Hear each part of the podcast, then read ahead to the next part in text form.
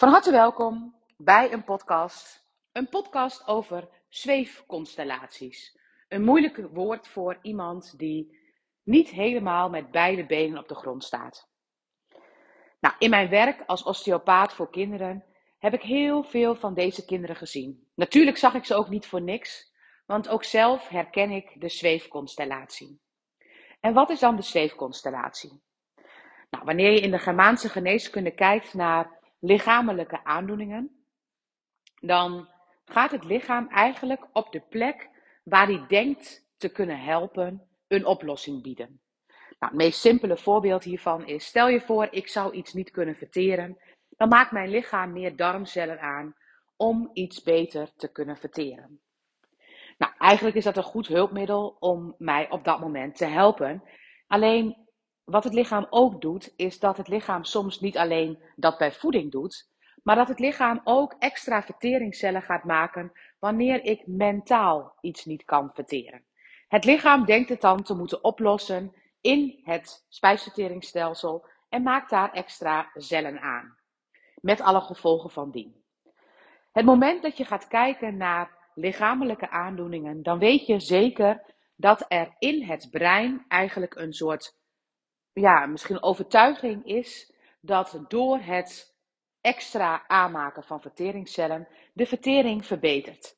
En het lichaam gaat zo gauw als dat stuk verteerd is, oftewel het moment dat de voeding verteerd is die op die plek niet verteerd kan worden, of wanneer het mentale brok verteerd is, dan gaat het lichaam dat weer herstellen. Oftewel, daarna zie je dus eigenlijk dat iemand ziek wordt want een herstel gaat in het lichaam vaak gepaard met ontsteking, met koorts en met extra vocht, waardoor je daar klachten kunt krijgen. Nou, wanneer we kijken naar psychische aandoeningen, dan is daar geen lichamelijke oplossing mogelijk. Het enige wat er mogelijk is, is de belevingswereld veranderen. Nou, hoe bedoel ik dat? Het moment dat ik bijvoorbeeld me heel erg waardeloos voel, dan gaat het in principe, als het gewoon één keer is, of één keer of vanaf één kant, zeg maar, als het één keer een inslag in mijn systeem is, dan krijg ik een eigenwaardeconflict. En een eigenwaardeconflict kan leiden tot bijvoorbeeld bot, spier en gewrichtsklachten. Oftewel, iedereen met bot, spier en gewrichtsklachten heeft in de basis een eigenwaardeconflict. Dan gaat het veel dieper dan wat ik nu vertel, want nu ga ik natuurlijk proberen om het heel samenvattend te vertellen. En mocht je daar meer van willen weten, weet dat ik heel veel masterclasses heb, ook over het spijsverteringssysteem en ook over um, het spierstelsel, ten aanzien van hoe je dus op die manier naar klachten kunt kijken. Maar stel je voor, je kijkt dus naar het eigenwaardeconflict. Stel je voor, je moeder vindt het jou niet waard, maar er is nog een conflict, ook op het werk of bij jou, ook jouw vader vindt het jou niet waard. Je bent dubbel het niet waard. Het moment dat er een constellatie ontstaat, oftewel er is een dubbel, dubbel conflict, dan is dat niet fijn. En dan is het veel fijner om dat niet te voelen. Want wat moet je nog doen als je op twee manieren afgewezen wordt? En helemaal als het bijvoorbeeld vanuit jouw moederslijn is en vanuit je vaderslijn. Of vanuit je thuissituatie, je gezin van herkomst en je werk. En op het moment dat je een dubbel conflict hebt, oftewel ook wel een constellatie, dan gaat je brein iets veranderen. En wat je brein doet bij, een dubbel eigenwaardeconflict, dat is een grootheidswaanzin geven. Oftewel, dat hele kleine wat jij je voelt, dat wordt uitgeschakeld. En je voelt je nooit meer zo kwetsbaar en zo klein. En we noemen zo iemand ook wel iemand met een grootheidswaan en dat heet een narcist. Oftewel, als je kijkt naar iemand die narcistisch is, dan weten we dat hij niet meer kan zien dat hij ook klein is, dat hij ook kwetsbaar is. En dat is voor die persoon een oplossing. Want dat is veel fijner, want anders kan hij eigenlijk het leven niet aan. Nou, als we zo kijken naar andere aandoeningen, stel je voor, um, we kijken naar het conflict van schrikangst. Ik heb angst voor iets wat mij kan bedreigen in het nest.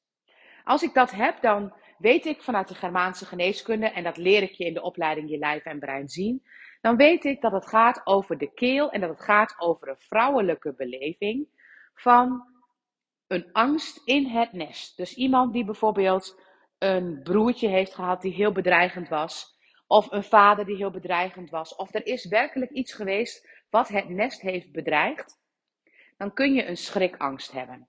En een schrikangst uit zich in het moment dat ik op een vrouwelijke manier reageer voor iets wat angstig is, dan adem ik in en ik houd mij stil. En dat inademen en mij stilhouden, zeg maar, dat, daar helpt mijn keelgebied mee. Dus het plaveisel-epitheel, het plaatepitheel van mijn keel helpt me daarbij. Dan houd ik me heel stil.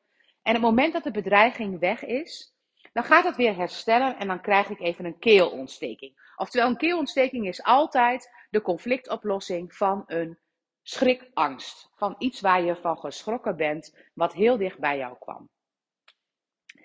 En stel je voor, je zou kijken naar territoriumangst, dan is dat een mannelijke beleving van angst buiten jezelf. Dus eigenlijk meer angst van in je territorium. En je nest of je territorium, dat is een verschilletje.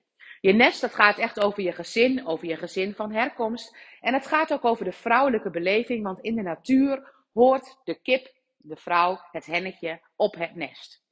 En die kip, die ziet er ook al um, in een schutkleur uit. Oftewel, die moet gewoon lekker op dat nest blijven. En die moet geen lawaai maken, want die heeft kuikentjes bij zich. Dus het is wijs als die zich stilhoudt. Dus daarom is de schrikangst ook een inademing. En zorgt dat er dus voor dat je stil bent. Kijken we dan naar de haan, dan kan de haan een territoriumangst ontwikkelen. En dat is eigenlijk, er komt een bedreiging in het territorium. En ik moet zorgen dat mijn nest niet bedreigd wordt. En het kan bijvoorbeeld zijn een vos die er aankomt en waar de haan dus zich zelf heel groot voor moet maken. En wat doet die haan dan? Die gaat echt lawaai maken. Die gaat kukelen, heel hard kukelen. Oftewel, die bronchiën gaan open en er komt ongelooflijk veel lawaai uit.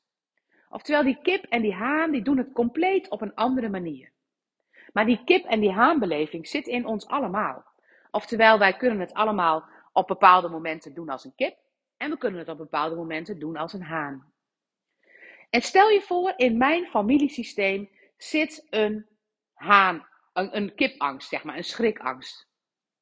Dat kan komen omdat mijn moeder bijvoorbeeld in haar nest onrust heeft meegemaakt. En zij heeft misschien geleerd, zo gauw er maar iets van geluid komt, dan houd je je stil. Dan blijf je stil. Oftewel, dan reageer je met een schrikangst. En stel je voor, mijn vader, die heeft heel gemakkelijk een bedreiging gevoeld in het territorium. Oftewel misschien in de oorlog, of misschien wel op gebied van financiën, dat hij het gevoel heeft dat hij het niet zou redden. En dat is natuurlijk voor een haan heel vervelend. Dan kan in mijn systeem van mijn vader een territoriumangst zitten.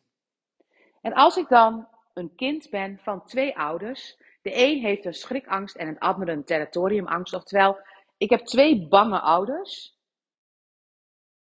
dan kan ik behept zijn met af en toe een keelontsteking of af en toe een bronchitis.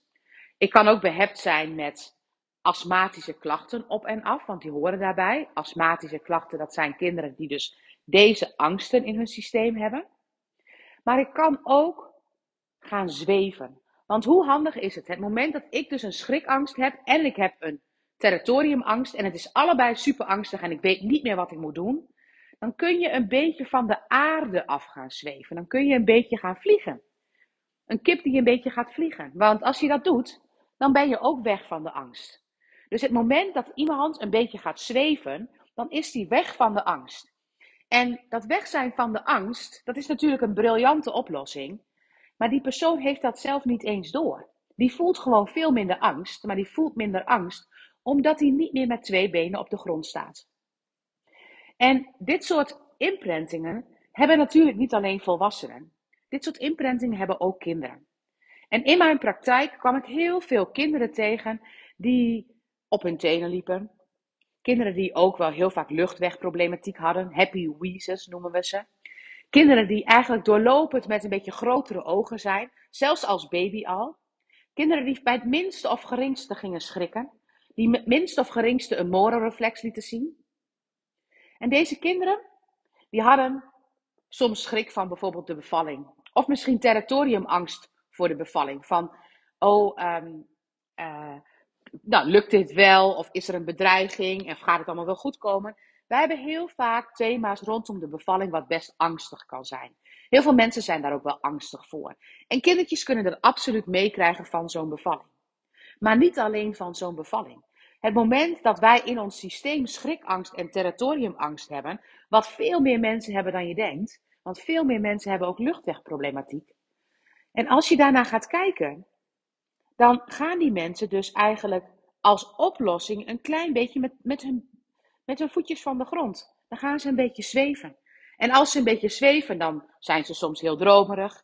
Kunnen ze soms ook even echt helemaal zichzelf kwijtraken, omdat ze gewoon niet met twee benen op de grond staan. Ze kunnen zelfs leerproblematiek krijgen, omdat ze niet precies weten wat hun plek is, want ze zijn steeds weg. En in mijn praktijk kwam ik dat veel tegen.